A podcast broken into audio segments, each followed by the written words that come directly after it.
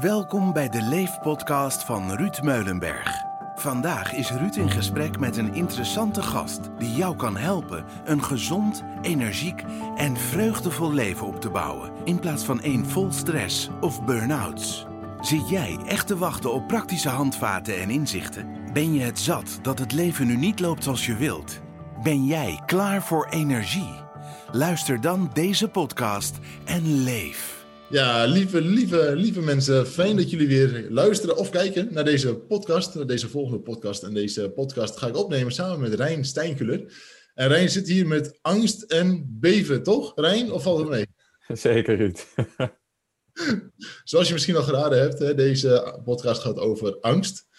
Uh, Rijn kan daar alles over vertellen. Um, angst klinkt vaak voor mensen heel groot, heel zwaar. Maar eigenlijk, angst zit er bij iedereen er toch wel wat in. Eigenlijk is angst een basis van, van stress. Maar ik ga daar niet al het gas eh, voor de voeten van Rijn wegmaaien, want Rijn kan hier alles over vertellen. Nogmaals, Rijn, heel hartelijk welkom. Dankjewel, Ruud. Wat heb jij in hemelsnaam met angst? Ja, nou, dat is een interessante openingsvraag natuurlijk. En uh, nou, wat misschien wel mooi is om even mee te nemen naar deze, deze ochtend. We nemen deze podcast in de ochtend op. En ik merkte toch bij mezelf vanochtend wat, wat spanning, misschien wat angst opkomen. Voor deze podcast? Ja, en ik was het even aan het onderzoeken bij mezelf. Van ja, wat, wat gebeurt er nou eigenlijk? Hè? En dan voel je dat je hartslag wat omhoog gaat, dat je ademhaling wat omhoog gaat. Ja, je voelt gewoon wat spanning in je lijf. En toen was ik aan het onderzoeken van, ja, wat, wat, waar ben ik dan eigenlijk bang voor? Hè? Wat, wat gebeurt er nou eigenlijk? En dan gaan de gedachten in mijn hoofd gaan er eigenlijk rond van, ja, ja, wat zal de luisteraar hiervan vinden? Hè?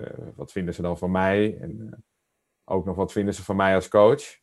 als ik hier open en kwetsbare dingen zeg, vinden ze me dan nog wel een goede coach? Of mag een coach niet open en kwetsbaar uh, zijn? En moet dat de, de goede, perfecte coach zijn? En wat vind jij van mij? Hè, we, we, hebben toch een, soort verhouding. Hè? Je bent mijn opdrachtgever, om het zo, uh, zo te zeggen ook. En dat ik ja, toch wel zoiets heb van, ja, ik moet hier dingen zeggen um, die, ik zie jou al lachen, ja, die, die, die Ruud ook goed vindt. Hè? Dat, dat zijn dan gedachten die door mijn hoofd heen gaan. En ik merk dat dat dus die, die, die spanning veroorzaakt en dat dat ook mijn, mijn angst wel ergens triggert. En ik geloof ook dat dat mijn ego is, hè, die daar dan ook een, een rol in speelt. En dat ik dan ergens ook bang ben om afgewezen te worden. Ja. Dat die angst voor afwijzing erin zit van de afwijzing door de luisteraar of afwijzing uh, door jou. En ik geloof, als je die weer verder afpelt, hè, waar, ja, waar kom je dan eigenlijk op? Angst voor afwijzing is toch het buiten de groep vallen of zo. Hè? Dat je niet, niet door de groep geaccepteerd wordt, dat je er niet mag zijn zoals je bent. Ja, en als je die weer verder afpelt, dan denk ik dat je ergens komt. Ja, angst voor afwijzing. Hè? Vroeger in de oertijd, als je afgewezen werd en je, je viel buiten de groep, ja, dan was je gewoon ten dode opgeschreven. Ja. Dus ik geloof dat hier ook wel ergens een soort van angst voor de, ja, angst voor de dood uh, onder zit. Als je hem echt helemaal afpelt, dan, dan geloof ik dat ik daarop uitkom. En ja, dat dat iets heel erg menselijks is en wat waarschijnlijk ook heel veel mensen wel herkennen. En uh, ja, dat dat zich op deze manier manifesteert, zelfs hier in een podcast. Waar natuurlijk de kans dat wij sterven tijdens deze podcast uh, dan moet ik ook zeggen dat onze luisteraar enorm kritisch is. Hè? En dat wij in ons een absolute angstcultuur hebben. het is een grap, hè? Dat, dat we het even helder hebben. Maar um, hoe, hoe komt dat, uh, Rijn? Want ja, dan lig je gisteravond misschien al in, in bed. Hè? Dan ga je erover nadenken. Werkt, werkt het bij jou ook zo of niet? Ja, tuurlijk. Ja. Dat, uh, tuurlijk, daar zit ik er al over na te denken. Van, goh, ja, wat, wat, wat, wat zal ik dan gaan zeggen? En dan uh, tegelijkertijd wil ik dat natuurlijk ook niet te veel doen, want dan wordt het zo'n ingestudeerd verhaaltje. En dan, ja, dan verlies je ook de verbinding hè, met, uh, met mensen, geloof ik. Maar ja, toch gaat er dan wel dingen door je hoofd. En dan gaan er goede scenario's door mijn hoofd heen en minder goede scenario's. Ja. En, um, dus ja, ja, zo gaat het dan wel ja, als ik s'avonds uh, in bed lig. Ja. Nou, bizar is dat wel. Ja, angst is nooit rationeel, hè, kunnen we wel mm -hmm. stellen. Ehm, in jouw geval, uh, je hebt het ook over kwetsbaar zijn, dus laten we dat gelijk heel kwetsbaar oppakken. Ik ga ervan uit dat we als, als opdrachtgever niet heel erg kritisch zijn naar je. Hè? Volgens mij hebben we best wel mhm. een warme sfeer. En, en van de luisteraars krijgen over het algemeen heel veel warme, fijne complimenten. Hè? Dus waar begint het dan dat, dat je dan zegt van joh, ik ben eigenlijk haast bang voor het opnemen van zo'n podcast? Ja, kijk, dat zit natuurlijk in mij. Hè. Dat heeft ook niks met de luisteraar te maken of niks met jou te maken. Hè, dat, dat zit natuurlijk gewoon in mij. En dat is uh, hè, ergens in mijn leven heb ik uh, de overtuiging uh, opgedaan. Um, van hé, ik ben niet goed genoeg, of, of ik, ik mag er niet zijn. Of, hè, en um, ik geloof ook dat om mezelf te, te beschermen daartegen, hè, want dat zijn natuurlijk hele, ja, best wel fundamentele en angstige gevoelens hè, en overtuigingen. En ik geloof ook um, dat ik mezelf op een gegeven moment ben tegen gaan beschermen. Hè, ik ben me daartegen gaan beschermen door een ja, masker op te gaan zetten. En me eigenlijk anders te gaan gedragen. Um, zodat ik niet door de groep afgewezen word. Ja. Hè, ik ben me eigenlijk zo gaan aanpassen in mijn leven.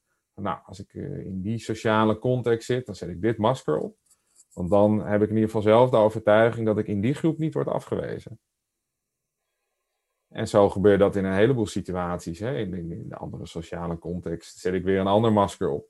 En als ik op mijn werk was, uh, ik werkte voorheen in de financiële sector, ja, dan moest er ook weer een masker op. Want ja, dat was natuurlijk een wereld waarin ik uh, hè, sterk, stoer moest zijn, groot moest zijn. En uh, ja, dus er, er, moest weer een heel ma ander masker op. Ja, en dat kost zo ontzettend veel energie natuurlijk. En dat zijn, ja, dat zijn dingen, hè, als we het over stress en burn-out hebben, dat is, dat is voer voor stress en voor een burn-out natuurlijk. Ja. Want je bent jezelf continu aan het overlopen en je bent, ja, ja het put je gewoon uit als het ware. Ja, herkenbaar hè? Ik denk voor heel veel mensen. In een zekere zin kun je dat ook niet helemaal vermijden, denk ik. Hè? Ik denk dat je op je werk ben je natuurlijk altijd iets gereserveerder dan, dan naar je partner toe. Dat, dat is ook best wel gezond op zich. Hè? Dat is, en, en met je kinderen bespreek je ook weer andere dingen als met je ouders bijvoorbeeld. Hè? Dus dat, dat, dat is wel vrij vrij normaal. Hè? Dat, dat, dat er wat, wat, wat, dingen zitten. Maar um, laten we eens bij het begin beginnen. Wat, wat, is, wat is angst eigenlijk? Hè? Dan gaan we daarna opbouwen zo naar een, uh, naar een praktisch punt toe wat je, wat je ermee kunt uiteindelijk. Hè? Want mm -hmm. uh, vatten in, in, een bepaalde zin van wat is angst? Ja, voor mij is het een, een, een, gevoel wat, wat in me zit. Wat normaal gesproken iets heel kleins is. Hè? Stel het je voor als een klein balletje wat in je zit. En wat in bepaalde situaties hele grote vormen aan kan nemen. En wat je dan vervolgens heel erg kan innemen, waarbij eigenlijk de, de, lichamelijke sensaties komen die ik in het begin al even vertelde. Maar in mijn beleving is het dus echt iets wat gewoon in je zit en wat kan groeien naarmate je het voert en aandacht geeft. En, uh, ja, en je eigenlijk meegaat in je angstige gedachten. Ja, wauw. Dus eigenlijk angst is het bij iedereen wel in. En hoe meer aandacht je eraan geeft, want in hoeverre is aanleg daarvoor uh, van belang? Aanleg van, vanuit ouders, vanuit genetica, dat soort dingen? Ja, ik geloof wel dat de dingen die je in je leven hebt meegemaakt, die daar heel erg op van invloed zijn. Als jij angstige situaties hebt meegemaakt in je leven, dat het gevoeliger is als het ware. Hè? Dat het sneller grotere vormen aan kan nemen. En aan de andere kant, als jij in je leven uh, hebt leren omgaan met angst, en angst op hebt leren accepteren als onderdeel van je leven. Want ik geloof dat er altijd wel een, een element van angst in ons leven is. Hè, dan, dan hoeft het niet elke keer zo te groeien. Nee. Dus ik geloof wel dat de ervaringen die we in ons leven opdoen en, en trauma, hè, die er ook een, ook een rol in spelen. Als ik even heel kort naar mijn eigen leven kijk, uh, hè, waarin de scheiding van mijn ouders voor mij een, ja, een trauma is geweest. Uh, daarin had ik heel erg de angst om alleen achter te blijven. Dus ja, ik merk dat in die. Uh, ja, dat dat iets was wat er bij mij voor kon zorgen dat die angst hele grote vormen aan kon nemen. En op het moment dat ik daar mee om heb leren gaan, maar goed, daar komen we zo wel op, uh, hoeft het niet meer elke keer die grote vormen aan te nemen. Nee. Wat ik, ik eens meenemen hoe het is. Eigenlijk is was dat eigenlijk voor jou een soort uh, trauma-trigger, van angst om alleen over te blijven, die um, eigenlijk niet rationeel is. Want het is altijd als kind altijd wel iemand die voor je zorgt. Hè? In een land als Nederland helemaal wel. Ja. Alleen je kind zijn, dan kun je daar niet zo rationeel over nadenken. Hè? Dan ga je niet achterover zitten dat je denkt, nou, er is altijd wel iemand die voor me zorgt. Hè? Dat, dat denk je niet. Hè? Dus mm -hmm. um, kun, je, kun je ons eens meenemen hoe het gegaan is destijds? Als, als je dat wilt delen natuurlijk. Hè? Ja, zeker Dat wil ik, dat wil ik zeker delen. Um, nou ja, de scheiding van mijn ouders was rond dat ik tien was. -hmm. En uh, mijn vader die uh, kreeg een vriendin in het buitenland. Dus die ging ook letterlijk naar het buitenland toe.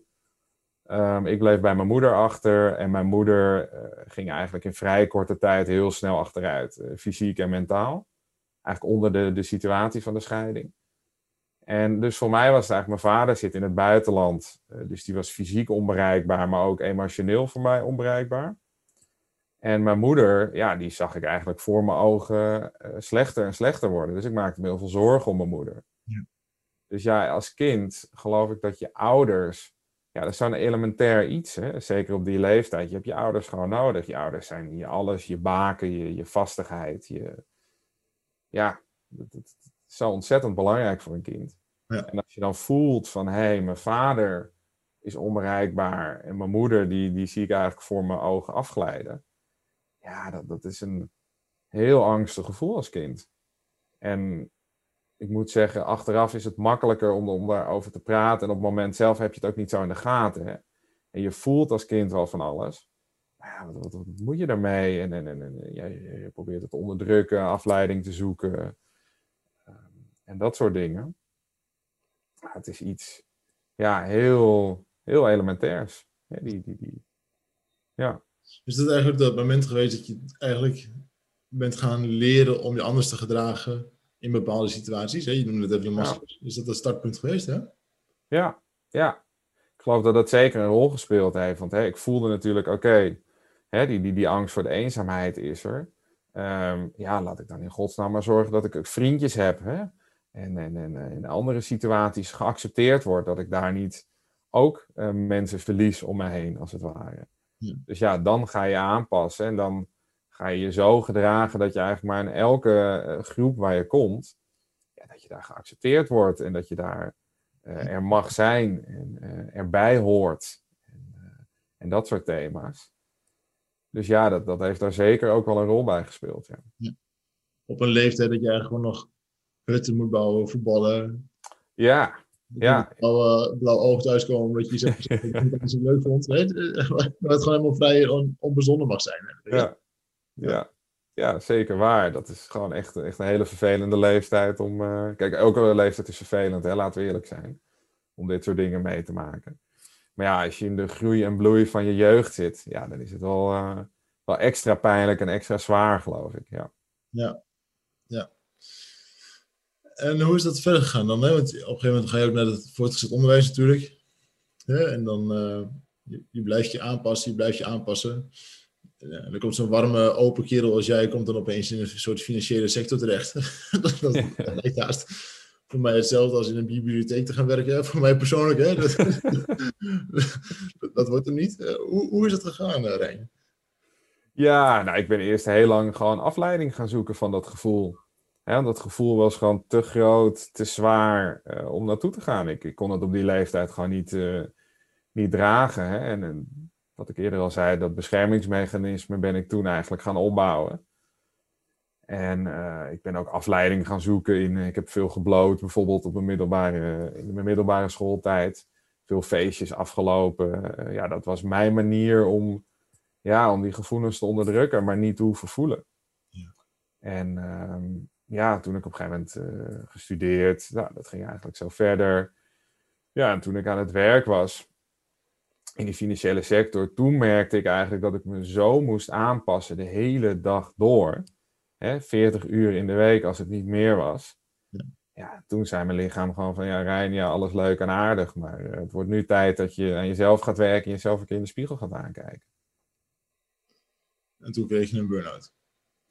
En toen kreeg ik een burn-out. Nou ja, het begon eigenlijk met, met angst en, en, en paniek eigenlijk. Ja dat begon, ik vergeet het nooit, de eerste keer was in, uh, in de kroeg een avondje.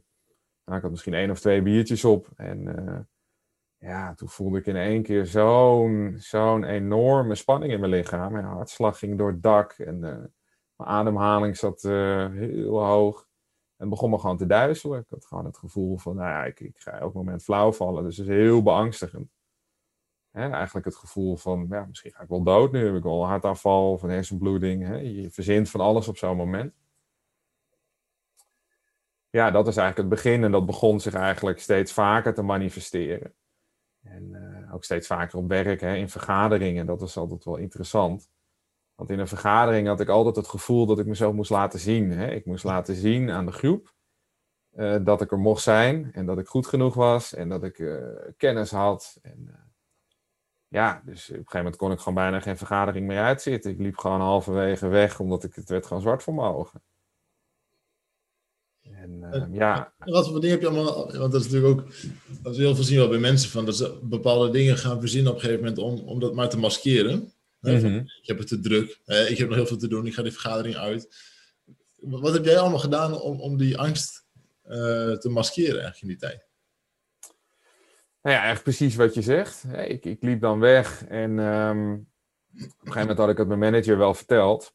Dus die had het ook wel door. Dus die gaf me ook wel de ruimte, zeg maar, om, uh, om dat te doen en om vergaderingen te skippen. Maar ja, als je zo'n vergadering skipt, dat is natuurlijk eigenlijk ook weglopen. Hè? En, uh, en weglopen van de situatie. En ik had het bijvoorbeeld ook veel in sociale situaties. Hè? Als ik met vrienden was, of ik ben een uh, vervent voetballiefhebber, als ik in een voetbalstadion was. Ja, dan ging ik uh, vijf keer uh, naar de wc of zo tijdens de wedstrijd. Hè? Om maar gewoon eventjes even te lopen, even afleiding te zoeken.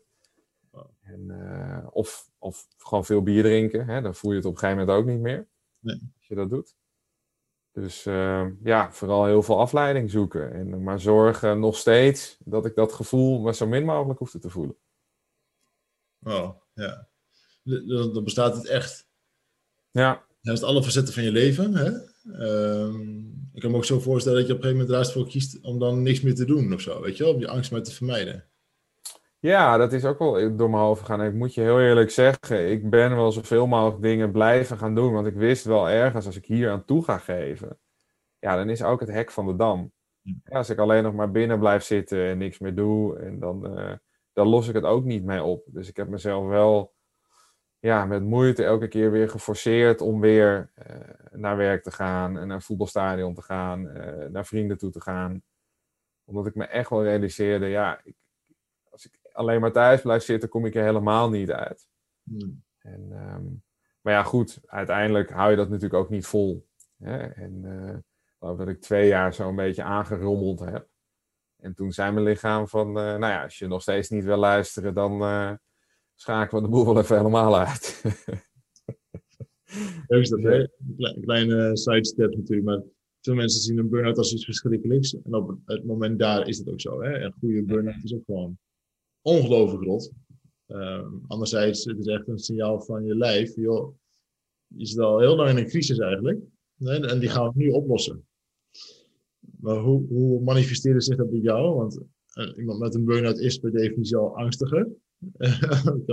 ja. In jouw geval uh, zo geweest, uh, Rijn? Zeker. Ja, en dat was ook wel het moment waarop ik me realiseerde van ja, om nu maar alles te blijven doen. Ja, het, het ging gewoon niet meer. Hè? fysiek ging het niet meer. En um, dus ja, wat ik in eerste instantie ben gaan doen, is gewoon heel veel, uh, heel veel rust uh, pakken. En uh, je belandt dan ook in de, in de molen van de psycholoog, hè, de, de, de standaard molen, zeg maar, die dan voor je wordt opgetuigd. En um, ja, ik merkte wel dat die angst, ja, die, die, die werd eigenlijk niet minder. Hè, omdat de echte oorzaak werd toen nog niet aangepakt. Dus ondanks dat ik meer rust nam, dat ik wel hè, cognitieve gedragstherapie aan het doen was, dus in mijn beleving heel erg aan de oppervlakte uh, bezig was met mijn herstel, ja, bleef die angst zich gewoon manifesteren. En dat frustreerde me ook. En dat beangstigde me eigenlijk nog meer. Ja. Ik dacht van, ja, shit. Hè, nou is die stress van werk is er eigenlijk niet, want ik, ik werk niet. Uh, ik ben met mezelf aan het, uh, ik ben met mezelf aan de slag. Ik ben naar mijn eigen herstel aan het werken. Maar die verdomde angst, die blijft maar om de hoek kijken. En uh, nou ja, wat, ik al aangeef, dat beangstigde me eigenlijk nog meer. Dat ik denk van, hoe ga ik hier ooit nog vanaf komen? Hè, dat, dat is zo'n beangstigend gevoel. En dat merk ik bij cliënten ook wel eens. Hè. Die vragen me dat dan ook al. Van, joh Rijn, maar ga ik hier ooit nog vanaf komen? En als je natuurlijk op zo'n dieptepunt zit, dan is dat soms best lastig om dat, ja, om dat vertrouwen te hebben dat het inderdaad goed gaat komen en uh, dat je eruit gaat komen. Alleen ja, dat er wel wat werk aan de winkel is. Ja, ja.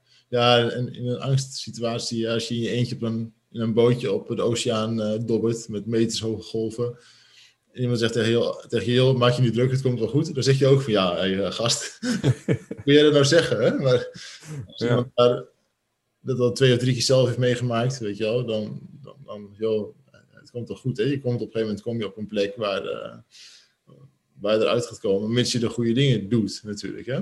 Ja. Wat, wat heb jij gedaan in die, in die tijd om, om van die angst af te komen? Laat het even, ja. het, het, instant moment, zeg maar, het moment daar. Wat, wat heb je gedaan om ermee om te gaan? En, en later op de lange termijn eigenlijk. Ja, het instant moment daar was dat ik steeds meer probeerde om de angst te gaan te laten zijn. Als ik die angst voelde, om er niet tegen in gevecht te gaan. Want dat is het grote gevaar. Als je dus die angstgevoelens in je lichaam voelt opkomen, ja. dat je ermee in gevecht gaat. En dat je er tegen gaat verzetten en dat je denkt, dit wil ik niet, dit moet weg en dit is stom. Ja, en wat je dan eigenlijk doet, hè, dat, dat je die angst, dat kleine balletje, dat maak je groter en groter en groter, want je bent het continu aan het voeden. Ja. En um, ja, wat ik op een gegeven moment door begon te krijgen, van oké, ik ik, ik voel het nu. En als ik in de supermarkt was bijvoorbeeld, prima, ik, ik reken af wat ik nu in mijn mandje heb en ik ga even buiten op een bankje zitten. En gewoon even voelen wat er nu gebeurt. Hè? Wat, wat, in welke situatie ben ik nou eigenlijk? Wat voel ik daar nou bij?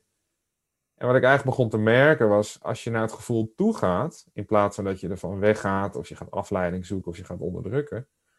Als je naar het gevoel toe gaat, dat het dan eigenlijk kleiner wordt. Hè? Dat die bal weer langzaamaan kleiner wordt. Dus toen ik dat begon te ontdekken, dat was voor mezelf iets dat ik wauw. Ja. Zo werkt het dus. Ja, en dat betekent niet dat het, die gevoelens niet meer opkwamen, want dat gebeurde nog steeds. Ja. En ik merkte wel dat het langzaamaan steeds minder eh, impact had en dat het steeds minder groot werd. En uh, om even op je vraag, ja, wat dan op de lange termijn? Kijk, dan is het natuurlijk wel belangrijk dat je ook gaat kijken, wat zit er nou eigenlijk onder? Hè? Wat heeft zich nou zo diep in mijn lijf vastgezet, dat ik überhaupt zoveel angst in mijn leven ervaar en dat ik zo snel getriggerd word? En ja, goed, dat was bij mij dus de, de scheiding van mijn ouders en de emoties die daar uh, nog zaten. En ook de patronen die ik mezelf heb aangeleerd. Hè, de, de overlevingsmechanismes. En uh, perfectionisme, uh, please, geen grenzen aangeven. Nou, noem het allemaal op. De perfecte burn-out cocktail, zeg ik, ja. Ja. tegen mensen. En, en dat ook met, met compassie en empathie voor jezelf. Van, hè, dit is niet iets slechts of iets fouts of iets iets stoms wat ik gedaan heb, maar dat heb ik gedaan om mezelf te beschermen. Te beschermen tegen gewoon een hele, hele pijnlijke, nare situatie. Dus dit, dit, ja, dit is eigenlijk iets goeds wat ik heb gedaan, alleen wat nu niet meer nodig is. Ja. Kun je ons meenemen naar zo'n moment dat je echt zo'n angstmoment had? Paniek, angst, paniek. Uh, weet, je, weet je nog een situatie dat je in de supermarkt liep en dat je begon te merken dat je invloed kreeg op die, op die angstgedachten? Um, nou, dan moet ik even in mijn, in mijn geheugen graven. En wat ik me misschien nog beter kan herinneren, is dat het in het voetbalstadion was. Daar kwam ik nou ja, elke week of elke twee weken. En dat was voor mij, hè, dat waren veel mensen, de, de drukte en het gevoel niet snel weg te kunnen. Dat, dat, dat triggerde daar, daar met name mijn angst. En uh, ik sta op de staatribune, dus ik sta dan ook. En wat ik op een gegeven moment merkte was van, oké, als ik even ga zitten en um, even, even terug naar mezelf ga, hè, in plaats van continu bezig ben met alles wat er om me heen gebeurt. hey, dat werkt eigenlijk wel. Hè, dat je langzaamaan voel je het zakken.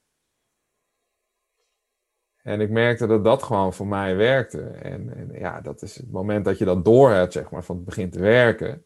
Ja, dat is gewoon een heel mooi moment. Ja. En dan kan je dat steeds vaker toepassen, ook in andere situaties.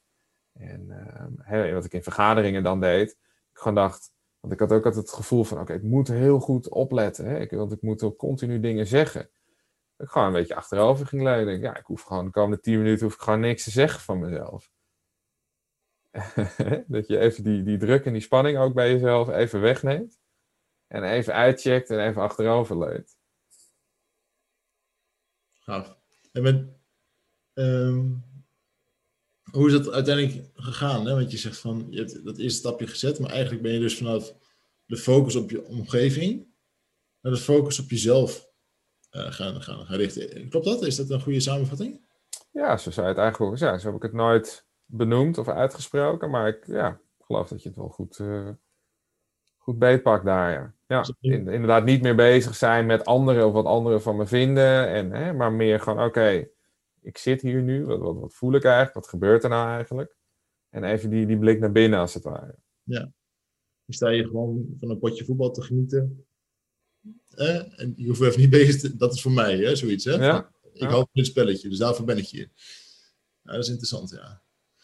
De supermarkt is toch altijd wel, wel bijzonder. Hè? Veel mensen met angst en, en burn-out sowieso, die haten supermarkten. Ja. Um, eerlijkheidshalve, ik haat nog steeds supermarkten. Ik weet niet waarom, maar ik vind het echt nog steeds pokken dingen. Ik kan er nooit wat vinden. Dus uh, ik, ik, weet niet wat er met die dingen is, maar daar, daar is wat mee. Ja. ja, maar dat is niet om angst, maar het is echt gewoon... Dat, ja, er zijn heel veel prikkels, denk ik. Heel veel... Ja, precies dat. Het is zoveel prikkels. Ik heb het ook als ik bijvoorbeeld in de IKEA kom of zo, weet je wel. Of de macro, dat soort winkels. Ja, er is zoveel geluid, mensen, honderdduizend producten. Uh, Posters. Ja. ja. ja. Ik geloof gewoon dat we als mens... En de ene is natuurlijk iets gevoeliger voor dan de ander, maar dat we als mens ja, helemaal niet erop gebouwd zijn om daarmee om te gaan. Nee. Nee. En, en voor mij is dat ook nog frustratie, want ik kan nooit iets vinden. En, ja. ik die supermarkten van een kilometer lang zo'n beetje, weet je wel. dan moet je achterop gewoon voor mij vijf kilometer door de supermarkt heen, van links naar rechts, weet je wel. Dus dat, ja.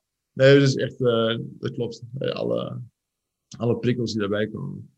Nee, dat, dat is meenemen. Want je, op een gegeven moment heb je zo'n succeservaring, hè, dat je in zo'n stadion kunt gaan zitten. En dat je zegt, nou, als ik dit ga doen, uh, dat is een focus om me heen, focus op mezelf, acceptatie van, van mezelf eigenlijk. Hè? Mm um, in de scheiding van mijn ouders uh, was dat eigenlijk een soort uh, startpunt van, van die angst. Maar wat heb je nou gedaan om uit die burn-out te komen, om uiteindelijk op het, tot het punt te komen waar je nu staat? Gewoon, zoals ik je ken, een hele open, eerlijke kerel, die toch ook gewoon in staat is om, om te genieten. Neem, neem ik even aan. Hè? Ja, ja, ja, zeker. Ik kan nu wel genieten van een potje voetbal. Eh. Ja. kun, je ons, kun je ons meenemen in het proces van burn-out naar, naar leven, hè, uiteindelijk waar die podcast uh, om gaat? Ja, ja, ik geloof dat ik net een klein voorzetje daar um, in gaf ook. Over het, het toelaten um, van de, de pijnlijke gevoelens. Hè. Bij mij zat nog heel veel verdriet en boosheid. Mm um, van de scheiding van mijn ouders. Gewoon verdriet over ja, hoe de situatie uh, is gegaan, hoe het was voor mij. En een boosheid naar mijn vader. Van, uh, ja, hij, voor mijn gevoel had hij het uh, gezin in de steek gelaten. Ja. En hè, daarna ook ervoor gezorgd dat het gezin het moeilijk kreeg, zeg maar, op financieel gebied. En ja, dus ik merkte dat er heel veel boosheid naar hem toe zat. En um, hè, dus die, die onderliggende emoties, die langzaamaan toelaten. Um, ik merkte dat dat heel erg bevrijdend werkte. En als je me dan vraagt, ja Rijn, hoe heb je dat dan gedaan? Ja, dat is echt een jarenlang proces eigenlijk geweest. Van, uh, van therapie, van meditatie, yoga, ademcoaching, uh, planmedicijnen. Uh, ik ben echt, echt wel gewoon hard aan mezelf gaan werken. En niet hard in de zin van het moet nu snel en, en perfect. Maar ik had wel zoiets van, ja, ik wil gewoon echt graag mezelf bevrijden van, van dit gevoel, zeg maar. ik, ik, ik mag dat nu loslaten in, in, in de rest van mijn leven. En het is eigenlijk stapje voor stapje heb ik dat langzaam kunnen doen. er zijn uh, momenten geweest uh, waarop ik dan bijvoorbeeld heel veel moest huilen. Hè, waarin echt gewoon letterlijk ik het gevoel had van oké, nu komt heel veel verdriet uh, naar boven. Nou, met mijn vader heb ik ook nog wel wat robbertjes uitgevochten, zeg maar. En um, ja, ik merkte daarin, wat ook behulpzaam is geweest, dat hij langzaamaan um, het ook in begon te zien.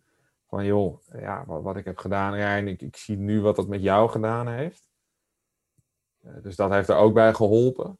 En, um, maar goed, dat kwam eigenlijk pas op het moment dat ik zelf met mezelf aan de slag ben gegaan. Hè? Want ik heb ook een tijd gehad waarin ik het gevoel had van oké, mijn uh, geluksgevoel of mijn, mijn herstel is afhankelijk van of mijn vader tot inzicht komt. Ja. Hè, ik heb het heel erg afhankelijk van hem, dus ging ik het weer ergens anders zoeken. Ja. ja. um, Maar op een gegeven moment had ik wel door van ja, hè, ik, ik hoef hem niet te vergeven, maar ik mag het voor mezelf vergeven. Hè, ik mag mezelf vergeven dat ik als kleine jongen eh, veel pijn en verdriet heb gekend. En, en dat ik daardoor bepaalde patronen heb ontwikkeld. En dat ik dat heb gedaan om mezelf te beschermen. En dat dat nu niet meer nodig is. Dat hoeft niet meer. Dat is oké. En uh, dus ja, ik vind het heel lastig om, om precies nu uh, te beschrijven. Ja, wat, wat is het dan exact geweest? Hè? Want ik snap dat dat natuurlijk jouw vraag is. Dat het voor luisteraars ook fijn is om te horen. Maar wat misschien ook wel mooi is om je te realiseren als je zelf in zo'n proces is. Het is ook echt het proces. Het is niet even een trucje. Het is niet even. Het is gewoon, het, het heeft tijd nodig. Het, het, heeft investering in jezelf nodig. En dan zal je merken, is mijn ervaring, dat het gewoon letterlijk uit je lichaam vloeit. Ik hoorde net iets heel moois zeggen. Op een gegeven moment dat je sowieso vergeving is iets prachtigs voor iedereen. Uh, maar dat je die controle niet op een ander kunt uitoefenen of op iets anders uit kunt oefenen. Ja. Je kunt niet controleren op wat een ander van jou vindt, bijvoorbeeld. Je kunt alleen maar, als je blij bent met jezelf, dan is de kans groot dat mensen je ook accepteren en soms ook niet. Maar als je jezelf kan accepteren, ja, wat dan nog? Als iemand anders je dan niet leuk vindt, ja, ja, je kunt er niet altijd wat aan doen. Hè? Daar heb je geen, geen controle op. Ja. Uh, in, in angst is dat natuurlijk sowieso wel een controle een ding. Zeker. In feite heb je alleen maar controle op jezelf. Voor een, ook nog maar voor een bepaalde mate natuurlijk. Hè? Want sommige dingen gebeuren natuurlijk ook. Hè? Ja. ja. Um, interessant natuurlijk. Want, uh, hoe gaat het nu? Met jou? En angst? Um, nou, er zijn nog steeds wel eens momentjes in mijn leven dat ik het heel even voel opkomen. Hè? Dat allereerste momentje dat je heel even voelt van, hé, hey, ik word even getriggerd. Hè, misschien ook wel voor de podcast, wat ik aan het begin van dit verhaal uh, beschreef. Dat je heel even die, die angst voelt opkomen. Alleen wat ik nu uh, merk, is dat ik er helemaal niet in meega. Ik, ik, ik zie het gebeuren, ik voel het gebeuren. En dan zeg ik ook tegen mezelf, nou, dit is oké. Dit, dit, gebeurt nu even. En um, ja, ik, ik, ik hoef me er verder niet druk om te maken. Ik hoef er niet in mee te gaan. Het is bijna alsof ik het van een afstandje kan observeren. Ja, alsof ik kan zien wat er bij mezelf gebeurt. En um, ja, dat, dat maakt gewoon dat je niet in die, in die molen terechtkomt. Hè? Die molen waarin je het voelt van Oh, angst. Oh shit, dit mag niet. Dit moet weg. Uh, help, wat gebeurt er straks? Uh, ik ga flauw vallen, ik ga dood. Nou, uh, allemaal van dat soort gedachten. Ja, dat is funest. maar als je op een gegeven moment merkt van... hé, hey, ik, ik hoef niet meer mee te gaan in die molen. En het lukt me gewoon om het te observeren. En dan vloeit het ook gewoon weer weg, voordat je er erg in hebt. Hè? Want, nou ja, ons gesprek is bezig en ik merk dat... Ja, het is gewoon weg. En... Um, ja, dat, dat is gewoon een fijne gewaarwording. Dat je gewoon merkt, ik ga niet meer mee in die molen. En ja, het, uh... het is wel bizar hoor. Want als je jou ziet en als je jou hoort, afhankelijk van de medium waar je deze podcast luistert of, of kijkt, je ziet gewoon een hele relaxed gast, hè, die ook heel relaxed praat. Hè. Um, de beeldvorming die je hebt van iemand die angstig is, is dat juist met zijn handen of tanden in het, in het bureau zit, weet je wel. En ja bij jou helemaal niet het geval. Hè? Het is gewoon, gewoon lekker relaxed, lekker relaxed gast. Hè? Maar zo zie je maar dat het wat er achter, achter je ribbenkast, achter je, in je hoofd gebeurt. Hè? Dat het een hele andere uitwerking kan, kan hebben. Hè? Dat angst ook niet Ja. te zien is. Ja, joh, Ruud, dat is heel herkenbaar. Want ik heb er met mensen over gehad, hè, ook vrienden in het stadion bijvoorbeeld. Die zeiden, joh, ik heb nooit wat aan je gemerkt. Nee. Terwijl ik stond daar helemaal eh, de, de pannen uit te flippen. Ja, Ja, en ze hadden helemaal niks in de gaten, stonden naast me. Hè?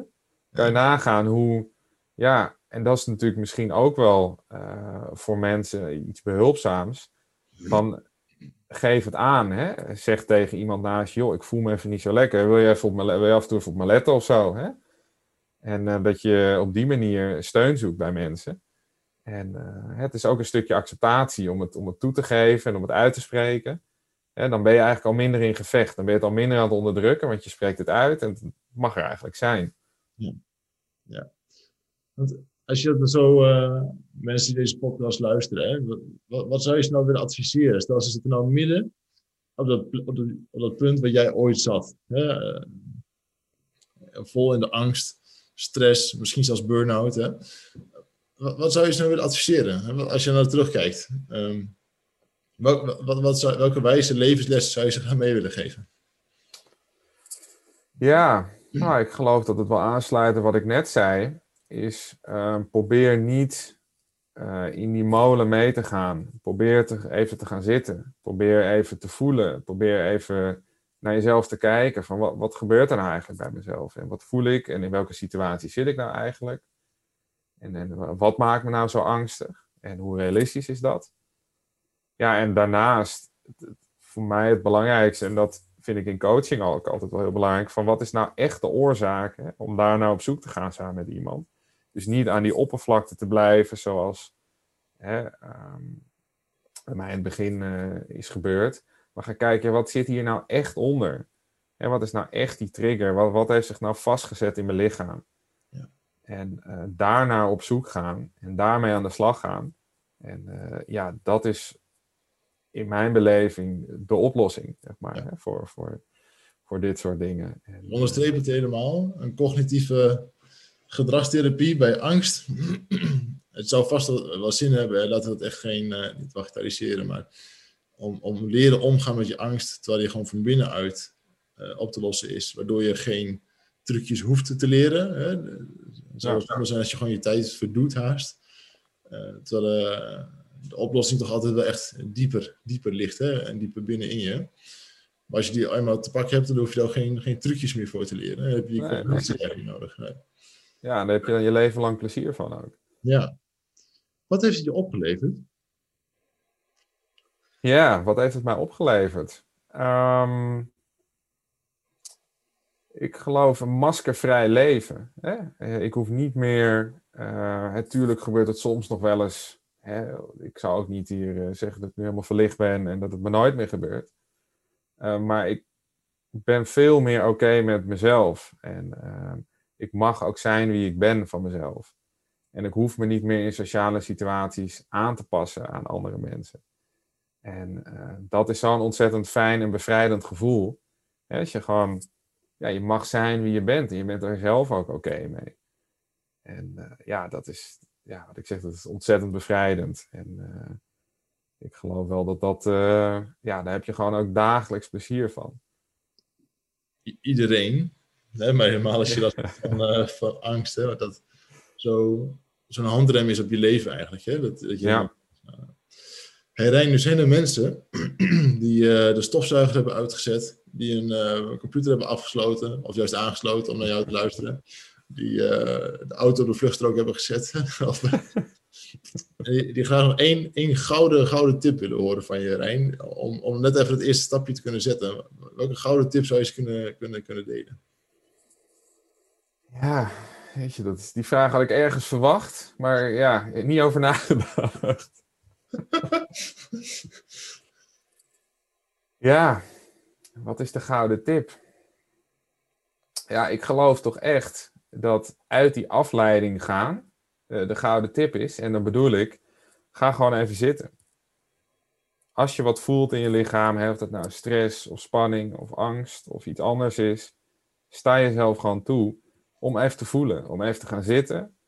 Wat gebeurt er nou eigenlijk bij mezelf? Dat kan iedereen. Daar hoef je niet, uh, weet ik het wat, voor te kunnen of voor te leren. Uh, maar ga gewoon even zitten. Doe dus nou even je ogen dicht als je dat fijn vindt. En voel gewoon even. Wat gebeurt er? Wat gaat er in me om? Wat voel ik? En wat gebeurt er? En ik geloof als je daarmee aan de slag gaat, ja, dat, dat je langzaamaan gewoon steeds meer in verbinding komt te staan met jezelf. Ja. En uh, ja, dat, dat, dat, dat je verder kan helpen. Mooi. Er zit ook heel veel eigen liefde in, hè? gezonde eigen liefde het feit dat je er gewoon simpelweg, simpelweg mag zijn. Ja. Eh, het feit dat je ooit geboren bent, betekent al dat je er mag zijn. Gewoon als mens heb je gewoon het recht om er te zijn. Zeker.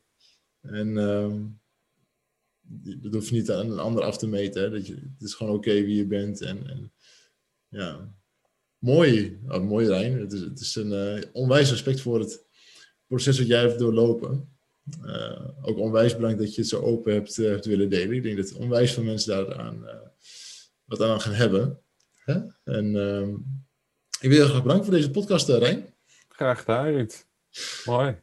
Dus lieve luisteraar, als je nou wat hebt aan deze podcast, hè, als je zegt, joh, dat is toch echt levensveranderend voor mij persoonlijk, hou hem dan niet voor jezelf. Hè. Ga hem delen met andere mensen.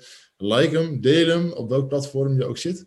Maar als je nou vragen hebt over jouw eigen angst in de relatie met stress of met, met burn-out, stuur me dan even een mailtje. Onze e-mailadres is info.ruudmeulenberg.nl Wees welkom met je vragen. En voor de rest wil ik je echt aanmoedigen om deze podcast te delen, te liken. En als je nou nog een idee hebt of een vraag hebt voor een volgende podcast, dan ben je natuurlijk ook welkom. Hè? Laat even een reactie achter op een social media of waar we dan ook op zitten. Je kunt ons altijd wel vinden, of op het eerder genoemde e-mailadres in elk geval. Voor nu, Rijn, heel hartelijk bedankt en tot de volgende. Hoi. Ciao. Dankjewel voor het luisteren naar de Leef podcast. Wil je meer weten over stress of burn-out? Meld je dan aan voor onze podcasts of bezoek onze website. Vind je dat meer mensen deze waardevolle informatie moeten horen? Deel dan je mening en beoordeel deze podcast. Samen werken we aan een beter leven na je burn-out.